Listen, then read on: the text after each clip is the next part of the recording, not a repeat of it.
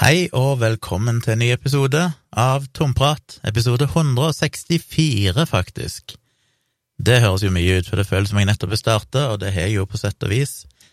Men for dere som fortsatt lurer på hvorfor vi er på et så høyt episodenummer når dere knapt har hørt om denne podkasten før, så er det fordi de 155 første episodene er tilgjengelige inne på min Patrion. På patrion.com slash tjomli, der finner dere hele arkivet mitt men ifra episode 156, var det vel, så åpna jeg dette opp for alle, og derfor er det bare noen få episoder som ligger ute i din podkast-app, hvis ikke du er patron hos meg.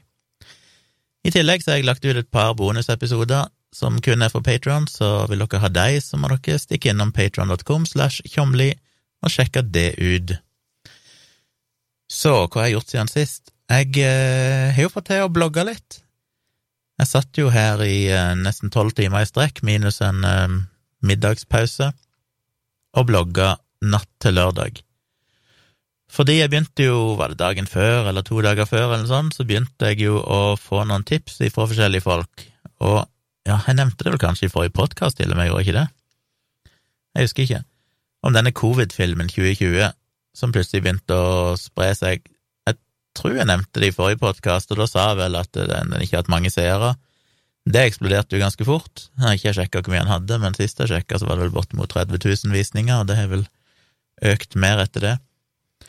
Så mange har sett den, og den har fått mye oppmerksomhet. Det er jo en uh, video som jeg som sagt uh, så bitte grann av først, bare noen minutter, og tenkte shit, dette her har jeg lyst til å si noe om. Og så hadde jeg egentlig ikke tid på grunn av jobb og sånn, og så begynte det å komme flere og flere meldinger på mail og Instagram og Twitter og sånn, der folk sa kan du ta en kikk på denne her, og da begynner det å klø i meg. Jeg blir så irritert, for jeg blir så irritert på at det ligger sånn informasjon ute, der det er så mye feil, og jeg får den der XKCD-følelsen at uh, there's something wrong on the internet, og jeg føler liksom jeg må ut og, og gjøre noe med det. Og det er primært to grunner til det. Det ene er jo fordi jeg ikke syns det er kult at det ligger ute sånn desinformasjon ute på nettet som ikke blir motsagt. Og så er det denne her eh, ønsket jeg har til å finne ut av ting sjøl. Det er jo den største drivkraften. At når jeg ser disse påstandene, så klør de i fingrene etter å sjekke liksom, og finne ut stemmer dette, har de et poeng her? Gjør researchen, og så finne ut hva som egentlig er sant. Og så skriver jeg det i en bloggpost, og så syns jeg det er veldig verdifullt for min egen del, for da har jeg for det første lært veldig mye nytt. Jeg lærer jo veldig mye når jeg driver og blogger på den måten. Det går jo mange timer med å lese artikler og forskning og sånn. Og så har jeg samla det på et sted, så jeg vet at i fremtidige debatter så kan jeg gå tilbake igjen og så finne kilder sånn som jeg vet jeg er lenka til i bloggposten. Så jeg er alltid glad når det er gjort. Mest irriterende jeg vet, er sånne Facebook-diskusjoner der jeg eh, har diskusjoner med folk, og så finner jeg eh, masse relevante eh, kilder eller artikler og sånn, studier, og så et halvt år seinere eller sånn, så dukker diskusjonen opp igjen, og så vet jeg at jeg hadde ting, men så vet jeg ikke hva det var, og så må jeg eventuelt prøve å finne de på nytt, og så er det ikke alltid jeg klarer å finne akkurat den ene artikkelen som trakk ut hele essensen. Så jeg har faktisk laga meg en sånn lite notat, jeg begynte å bruke, jeg vil nevne det tidligere kanskje, program som heter Notion, til å eh, organisere litt forskjellige ting, for eksempel podkastepisoder og YouTube-episoder og sånne ting, fotooppdrag. Og jeg har laga et eget notat der som heter Huskeliste, som har mange undernotater som er lenka sammen.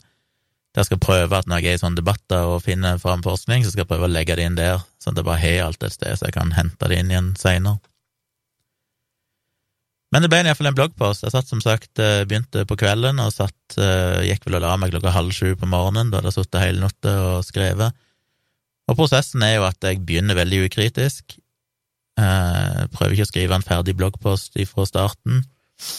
Jeg begynner med å bare gå rett på fra starten av videoen, kikke, høre hva de sier, pause videoen, begynne å researche, google, finne ut liksom hva de henviser til, og, og hva som er greia og så skriver jeg litt om det. Noen plasser så bare skriver jeg eh, XXX i slutten av en setning, altså jeg skriver en halv setning. Dette er ikke korrekt fordi Og så XXX, fordi at det er sånn plasser jeg vet at her har jeg noe som jeg har skrevet om før, eller her vet jeg hva jeg vil si, men jeg vil heller bare komme meg videre. Jeg vil ikke bruke tid på å formulere det nå, det kan jeg gjøre etterpå. Så ble jeg gjennom, og det tok jo som sagt mange, mange timer. Og når jeg endelig er ferdig, så går jeg opp til toppen, og så prøver jeg å finne en innledning og, og reinskrive det, formatere det, finne overskrifter, punktlister og sånn. Og til slutt så måtte jeg gå gjennom videoen en gang til og ta screenshots av forskjellige relevante plasser i videoen så jeg kunne bruke som illustrasjonsbilder i bloggposten. Og da klokka var passert seks om morgenen, så var jeg altså så drittlei, og da var det sånn jeg tenkte at jeg trenger egentlig å lese dette en gang til nå, for nå har jeg jobba med det helt fram til nå, og jeg trenger å sette meg ned og bare lese de fra toppen igjen, og ikke minst bare sjekke etter skrivefeil og sånn. Men jeg var så drittlei, og jeg hadde lyst til å få den ut, klødde i fingrene etter å få publisert den, så jeg bare publiserte den og gikk og la meg. Og det er alltid litt risikosport, men jeg tenkte at det, det går som det går. Og det har jo gått veldig greit. Har fått én påpekning om et årstall jeg hadde skrevet feil. Jeg hadde skrevet istedenfor 2020 eller noe sånt, nei, istedenfor 2009 så hadde jeg skrevet 20019, tror jeg, som jo var en eh, slurvefeil. Vi har litt kaffe. Og så eh, var det ei venninne av meg som er biolog, som påpekte at et par dager etter, var vel i går, et par dager etter, eller dagen etter bloggposten var publisert, at det var et avsnitt og lurte på om jeg hadde skrevet feil årstall. Så sjekka jeg kjapt og bare sa nei, nei, det er rett årstall. Så sa jeg ja, men det stemmer jo ikke, for du har jo skrevet sånn og sånn. Jeg hadde skrevet et eller annet om koronapandemien, og så hadde jeg henvist til 2009. Så måtte jeg inn og lese på det, og så skjønte jeg her er jo bare rod, det jeg har skrevet. men da er det jo tusenvis av mennesker som har lest bloggposten, og ingen har tydeligvis lagt merke til det, eller iallfall sagt ifra. Så da måtte jeg sitte en halvtime og tenke igjennom og lese og prøve å finne ut hva det i all verden var det jeg mente her, dette henger jo ikke sammen i det hele tatt. Men så fikk jeg omformulert det til slutt, sånn at det ble korrekt. Jeg hadde blanda sammen halve avsnittet handla om svineinfluensa, og halve handla om korona, og det var bare rod. Så det ble iallfall fiksa til slutt, men det er jo bare fint at folk kan peke ut sånne ting. Så den har jo blitt delt over 3000 ganger nå, ser jeg, og det syns jeg er bra. Det betyr jo at eh, Nå vet jeg hvor prosentandelen av de som har lest den, som deler den, er, og jeg har ikke akkurat eh, nøyaktige lesertall på den nå, men eh, han har lest ganske mange tusen ganger, iallfall. Og det er bra. Det som er irriterende, er jo at plutselig i dag så begynner jo folk å sende meg meldinger om at folk har på en måte parert bloggposten min med at de som har laga denne videoen, som kaller seg for Viktig viten, har lagt ut en referanseliste. og jeg må jo le litt, for det er sånn eh, jaha, so what? Eh, for det første så kjenner jeg jo til den referanselista, den var jo lenka til under videoen, og den har jeg jo sett før. Eh, nå blir det fremstilt som at de som har sagt svar på bloggposten min, har lagt ut referanseliste, det er det jo ikke, den har jo vært der hele tida. Men det er litt sånn, hva i all verden skulle det endre? Jeg har lest de referansene, jeg har adressert i, i bloggposten min. Jeg har argumentert for hvorfor de har misforstått ting, hvorfor de sier ting som er feil, hvorfor de har valgt selektivt ut ting som ikke representerer hele sannheten, og så videre. Og det er sånn, da blir jeg litt sånn um, oppgitt, jeg vet ikke helt hvordan jeg skal respondere på det, for det er sånn, hvis ikke du skjønner at dette ikke er, er noe svar, tilsvar, eller gi videoen mer troverdighet, så skjønner du på en måte ikke hvor kritikken min går i det hele tatt, og liksom, da er det ikke noe vits å diskutere lenger. Men jeg lurte allikevel på om jeg skulle bare ta for meg referansene i en egen bloggpost, bare sånn for å være helt tydelig på at dette her forandrer ingenting, jeg har sett de, og her er mine kommentarer. Så det er mulig jeg gjør det etterpå. Får se. Nå en ting, en bloggpost som blir totalt unødvendig. Den kommer bare til å bli gjort, egentlig bare for at ikke de skal føle at de har scora noen poeng med den referanselista si. Så hvis ikke dere har lest bloggposten, jeg tror det var en nyttig bloggpost, den tar for seg veldig mye forskjellig angående både svineinfluensa og koronapandemien. Jeg tror det er lærerikt for, uh, for mange. Så ligger den på tjomli.com, på bloggen min altså, som heter Saksynt, så sjekk gjerne ut den. Um, jeg var jo med i en video med Wasim Sahid her på fredag. Han har jo en veldig populær YouTube-kanal, og har jo leie med korona, nei, med covid-19 de siste dagene, men er frisk igjen nå. Så han spurte meg om jeg hadde lyst til å lage en video angående den forrige bloggposten min, den som tok for seg dette her med om 23 gamle hadde dødd etter koronavaksine. Så det gjorde vi ganske improvisert. På grunn av korona så kunne vi ikke møtes, han var vel fortsatt i karantene på den dagen. Eh, men vi gjorde det hver for oss. Så jeg har jo mitt utstyr her, kamera og studio, han har kamera sånn hjemme i stua si. Så ringte han meg bare på telefon, så bare synkroniserte vi å trykke record samtidig, sånn at det ble sånn noenlunde i synk, sånn at han kunne line opp eh, de to videoklippene etterpå. Og så hadde jeg hadde begge to eh, headset, en øreplugg i øret, og snakka med hverandre på telefon. Ingen kunne jo se hverandre, men vi bare kommuniserte på telefon. Han stilte meg spørsmål, og jeg svarte etter beste evne, som sagt, helt improvisert. Og så, når det var ferdig, så eksporterte jeg videofilen i det formatet han ønska, og shippa den over internett til han, via Dropbox, vel.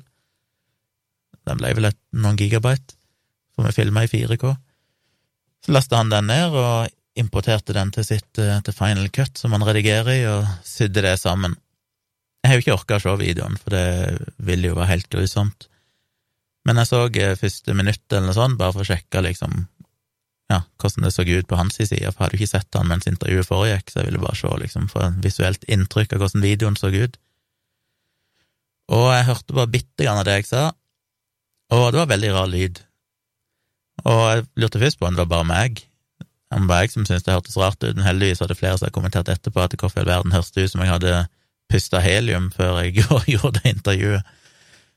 Eh, det hadde jeg altså ikke, men et eller annet skjedde med lyden på hans side. Det var fin lyd på opptaket mitt, men uh, muligens er det fordi at jeg filma i 24 bilder i sekundet, han filma i 25 bilder i sekundet, og ett bilde i sekundet er jo ikke mye, og i utgangspunktet skal Final Cut uh, fikse det automatisk. Men et eller annet har skjedd galt, tydeligvis. Om det er det ene bildet i sekundet som det ikke ble korrigert for automatisk, som gjorde at jeg fikk litt høyere pitch på stemmen, det, det vet jeg ikke. Men da vet dere hvorfor det er sånn, hvis dere har sett videoen eller kommer til å se den. Så er vi jo oppe i en ny lockdown, hvis man kan kalle det det. Det er vel den andre ja, når jeg sier vi, så mener jeg jo vi som bor iallfall i Oslo og noen av nabokommunene. I resten av landet så er det vel ikke noe så strenge tiltak akkurat nå. Men dette er vel på en måte den andre sånn skikkelig lockdown vi har hatt siden ja, da det starta 12. mars, var det ikke det? 11. 12. Nei, 12. mars. Um, jeg merker jo ikke så mye forskjell, for jeg sitter jo her uansett og driver på, men, men det er jo Det er jo dramatisk på mange vis. Altså, det føles dramatisk ja, Jeg føles så dramatisk. Det føles det er interessant på en måte at hele samfunnet stenger ned på den måten. Jeg fikk jo spørsmålet, og en del av de tingene jeg snakker om her, har jeg òg snakka i livestream, men det er mange flere som på podkasten enn de som ser på livestream, så jeg regner med at ikke alle har hørt det før. Men jeg har fått spørsmålet om eh, hvorfor eh, har vi plutselig en lockdown nå, når smittetallene i Oslo er på vei nedover?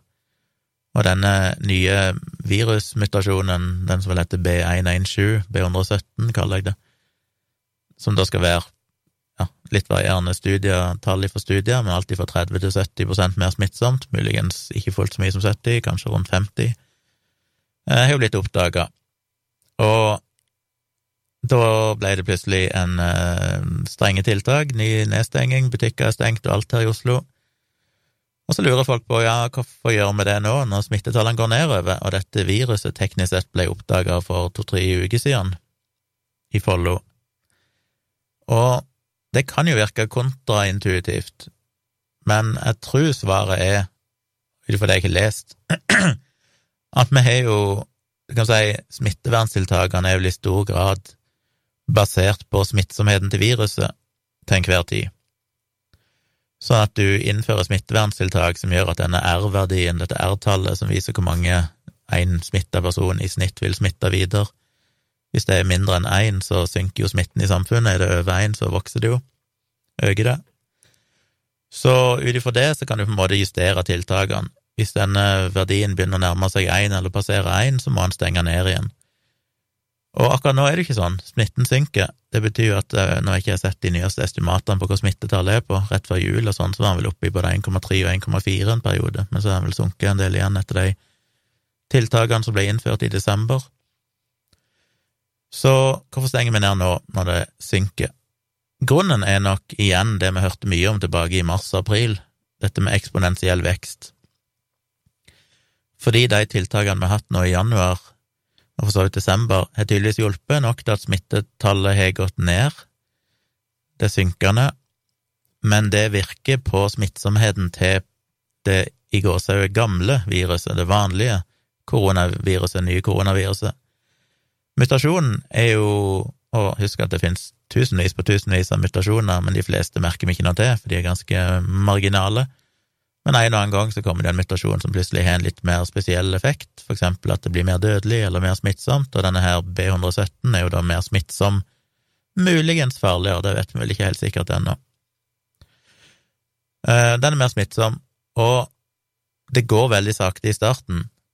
Det tar tid før ting utvikler seg, sånn at vi har jo to valg, enten å åpne opp igjen litt, for vi sier at smittetallene er på vei ned, flott, da kan vi jo åpne opp igjen litt, og så begynner dette her nye B117-mutasjonen å spre om seg, og det går som sagt sakte i starten, men så plutselig, på grunn av eksponentiell vekst, så vokser det veldig fort.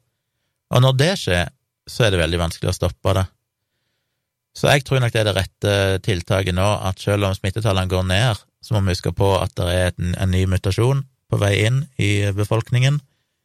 Den må kveles veldig tidlig, før han får tid til å liksom virkelig bite tak. Og derfor må vi gjøre det nå. Hvis vi venter to, tre, fire uker til vi plutselig ser at oi, nå er det faktisk en betydelig andel smitte med den B117-varianten i Oslo òg, da er løpet kjørt med tanke på å klare å stoppe det. Det vil si, da må vi sannsynligvis innføre enda strengere tiltak. Så jeg tror de tiltakene vi har nå, som er igjen veldig strenge, de strengeste vi har hatt siden mars, er fornuftige, fordi jeg tror de vil beskytte dere mot mer dramatiske tiltak seinere, og mer dramatiske tiltak, hva er det? Ja, det vil jo Du kan jo knapt gjøre så mye mer enn å gå til det skrittet med portforbud, som vel neppe har sånn veldig mye effekt. Det er litt effekt, men jeg tror ikke det vil ha all verdens å si. Så i praksis betyr det vel bare at vi måtte holdt på denne lockdownen mye lenger. Eh, så forhåpentligvis kan vi klare oss med en litt kortere lockdown nå, sånn at det ikke det der viruset får tid til å, å spre seg for mye i befolkningen de som eventuelt er smitta, holder seg inne til de er friske igjen, og ikke er smitta andre, så kan vi faktisk klare å holde det i sjakk. Kanskje. Vi har iallfall eh, ikke noe å tape på prøver, tror jeg, for jeg tror alternativet er verre. Så det er nok grunnen til det. Og jeg blir spurt om hva jeg tenker om uh, utviklinga framover. Det er vanskelig å si, det er mange ukjente variabler i bildet nå både med vaksiner, hvordan, hvor lang immunitet de vil gi, og disse mutasjonene. Så hvis vi hadde tenkt at det ikke dukker opp noen nye uventa mutasjoner, så tror jeg scenarioet er at vi må kjøre den flatten the curve-strategien, som i utgangspunktet baserer seg på kortvarige, eh, strenge tiltak, som gjør at vi kan åpne opp igjen i litt lengre perioder og leve noenlunde normalt, og så hvis vi da ser at det begynner å øke i smitte igjen, så kan vi stenge ned igjen litt, for hele tida bare holde liksom den balansen i, i, sjakk. Og så er det jo vaksinering på gang. I løpet av uh, våren og forsommeren så håper vi at uh, de fleste er vaksinert. Så hvis vi kunne holdt det på det nivået, så tror jeg at ting kan begynne å gjenåpnes mot uh, ja, slutten av sommeren, kanskje til sommeren, iallfall til høsten. Det, det er håpet mitt. Så er jo spørsmålet hvor lenge immuniteten fra vaksinen varer. Og jeg vet at Moderne har gått ut og sagt at de føler seg ganske trygge på at uh, iallfall ett års immunitet.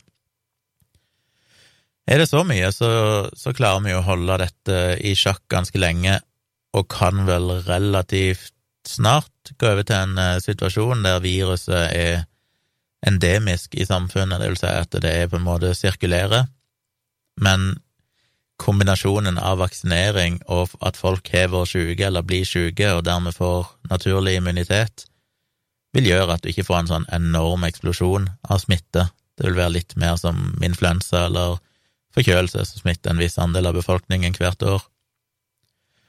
Og det er viktig å huske på, dette har jeg diskutert så mye i det siste, men det, vi har jo en tendens til å måle alltid dødstall. Hva dødelig er det? Å, det er jo ikke mer dødelig enn influensa. Eh, men det er jo ikke poenget, og det har aldri vært poenget. Og poenget er jo dette her med, med å ikke overbelaste helsevesenet.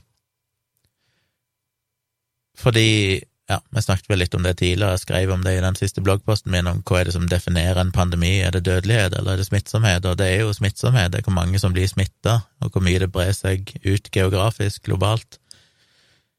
Um, så jeg tror ikke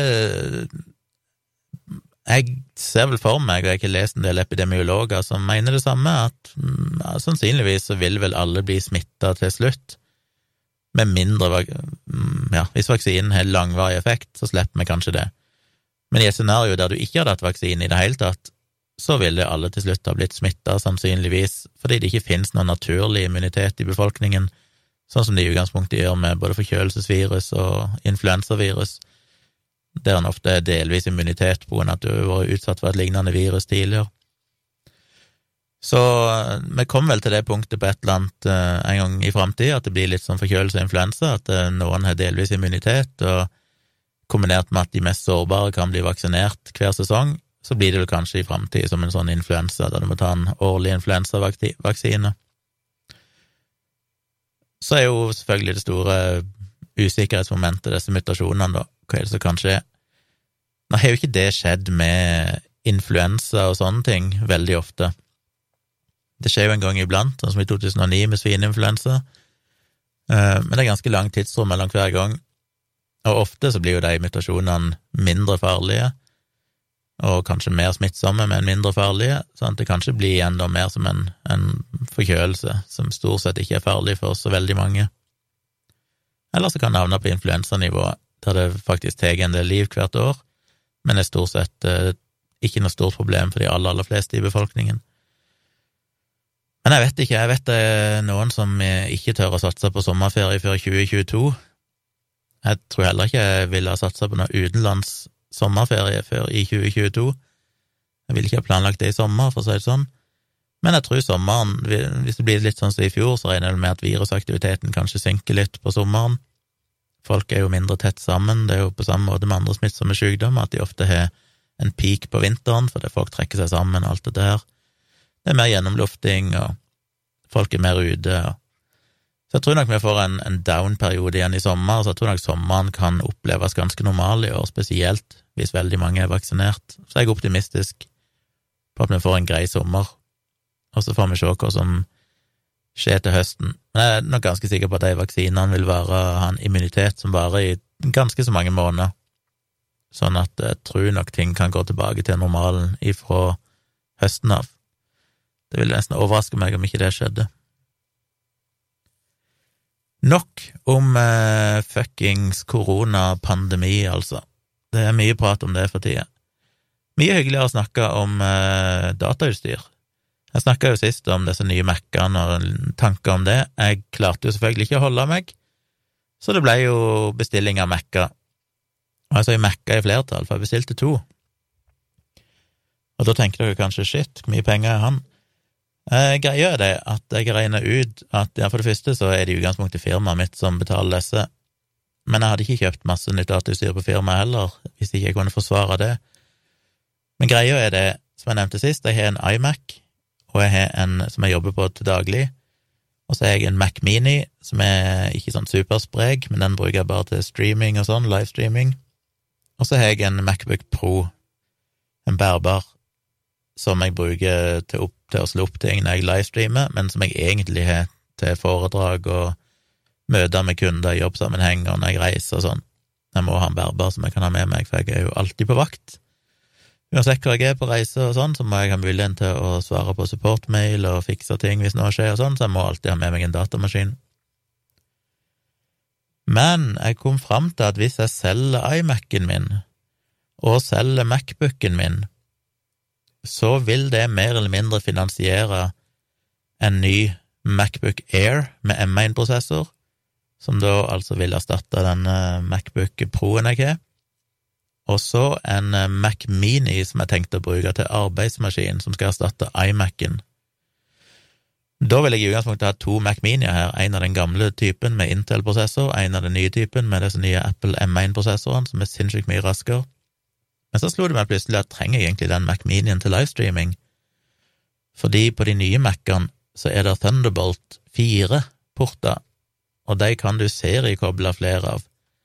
Så da kan jeg egentlig ha Mac Minien stående her til kontormaskin med en dataskjerm, og så kan jeg seriekoble den med en Thunderbolt-kabel til en ekstraskjerm som jeg er stående der jeg sitter og livestreamer. Så det eneste er at jeg da må flytte mus og tastatur mellom her jeg sitter og jobber til vanlig og når jeg livestreamer, men det er et ganske lite offer. Så da kan jeg selge den òg, så da kan jeg i praksis selge tre Mac-er, og da tror jeg jeg går ut i pluss på å kjøpe de to nye, inklusiv en ekstra skjerm og jeg har funnet en skjerm, en 32 eh, tommers 4K-skjerm, eh, som er spesielt laga for fotoarbeid, det vil si at han er veldig nøyaktig på farger, kalibrert for ja, skikkelig fargehåndtering, som er viktig. Veldig god skjerm. Ganske dyr, men eh, jeg tror jeg klarer å knipe den òg inn i salget av tre maskiner. Så jeg tror jeg skal få oppdatert hele utstyrspakken min. Ja, så har jeg en annen som jeg nevnte vel sist, en 32 tommers 4K-skjerm her, men som er litt sånn billigere og mer skvip. Den har jeg jo lagt ut allerede på finn.no til salgs. Så summen av å få solgt alt det, så tror jeg faktisk jeg går i pluss, og får bytte ut alle maskinene mine. Så får vi se hva som skjer når eh, Apple kommer med nye iMac-er, som jo kommer til å bli enda kraftigere og raskere, og som jeg sikkert ikke kommer til å klare å holde meg for å kjøpe. Men det blir et stykke fram i tid, heldigvis, så får jeg se om det duger med den Mac Minien, om den gjør det jeg trenger med tanke på videoredigering og fotoredigering og sånn, eller om jeg må bite i det sure eplet og investere i en uh, iMac en gang i framtida. Men det neste halve året eller noe sånt, så tror jeg jeg vil uh, klare meg godt med de nye to maskinene. Da sparer jeg kanskje litt strøm, mindre utstyr her, mindre ting som suser. De er jo veldig stillegående, de nye maskinene, i motsetning til de gamle her, som har litt viftestøy. Så ja, jeg tror det blir en god oppdatering. Det er lang leveringstid, så jeg får ikke de nye Mac-ene før i midten av februar. Så jeg må liksom time dette her med å, å selge det gamle utstyret, for jeg kan ikke selge det før jeg egentlig har det nye på plass. Så jeg må legge ut for det utstyret jeg har betalt, en periode før jeg eventuelt da får inn penger på det jeg selger, for å kompensere. Så det går litt i minus i starten, og så går det veldig pluss igjen da, forhåpentligvis, eller iallfall i null omtrent. Eh, når jeg får solgt alt. Så hvis noen av dere er på jakt etter en 2019-modell eh, av en iMac som er oppspekka med 40 gigabyte ram og en terabyte harddisk, så er det bare å ta kontakt, eller en Macbook Pro som eh, er ganske sprek, eller en Mac Mini som jeg òg har oppgradert til maks minne som er mulig å få i de. Så er det bare å ta kontakt, skal dere få pris og speks og sånne ting. Det var nok om Mac-er. Jeg eh, nærmer meg vel eh, slutten, jeg vet ikke om jeg har så fryktelig mye mer å si, annet enn at jeg testa ut en ny ting. Jeg opplevde jo noe som var litt sånn rart, på et vis, men veldig, veldig hyggelig. Og det var at etter jeg hadde skrevet denne bloggposten som ble populær da, om denne covid-filmen, så var det faktisk to, to eller tre personer som kontakta meg og spurte om det var mulig å, å donere noe penger til meg, fordi de var så takknemlige for det, den jobben jeg hadde gjort. Og jeg eh, sa at ja, dere må gjerne støtte meg med å bli patrons, men de syntes det var litt, litt eh, sånn forpliktende. Det er jo egentlig ikke forpliktende, for det er ikke noe bindingstid på Patron, så du kan bli patron i en måned, og så kan du kansellere.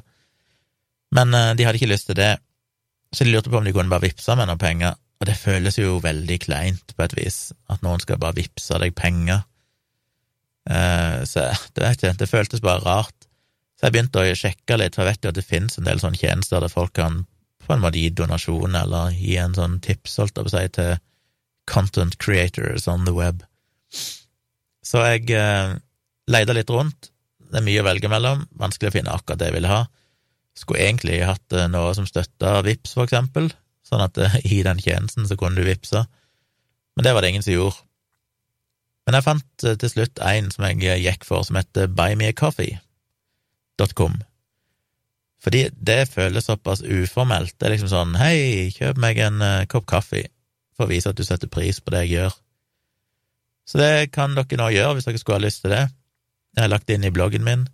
Jeg har en egen nettside som heter buymeacoffee.com slash civics, c-i-v-i-x, som jo er mitt brukernavn på Twitter og Instagram og sånne ting. Og der går det an å kjøpe fra én til fem kaffer, som koster fem euro per stykk. Så vil du gi meg én kaffe, så er det fem euro. Vil du gi meg fem kaffer, så er det 25 euro. Du kan betale med kredittkort eller Apple Pay eller Google Pay eller PayPal og sånn. Og til min store overraskelse så er det jo faktisk en del som har gjort det etter jeg la det ut i bloggen. Plutselig så bare tikker det inn sånn Den og den personen kjøpte tre kaffeer til deg.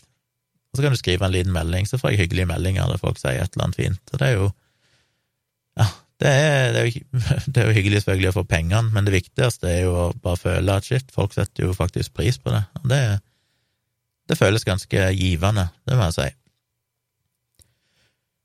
Så nevnte jeg jo i en tidligere podkast at jeg hadde oppretta sånn et eget nivå på Patrion som var ganske dyrt, men der du kan leie meg inn til å utføre research og sånn for deg. Jeg skjønner jo at det kan være litt mye å forplikte seg til, så da fant jeg ut at Buy Me Coffee har muligheten til å, å tilby at du kan selge sånne ekstratjenester òg. Så for moro skyld så legger jeg ut det òg. Så jeg har lagt ut tre tjenester, en som er liksom å få en halvtimes hjelp med research, eller hjelpe å svare på et eller annet spørsmål eller du kan få en time, eller du kan få en uh, halvtime med teknisk hjelp til podkast eller video.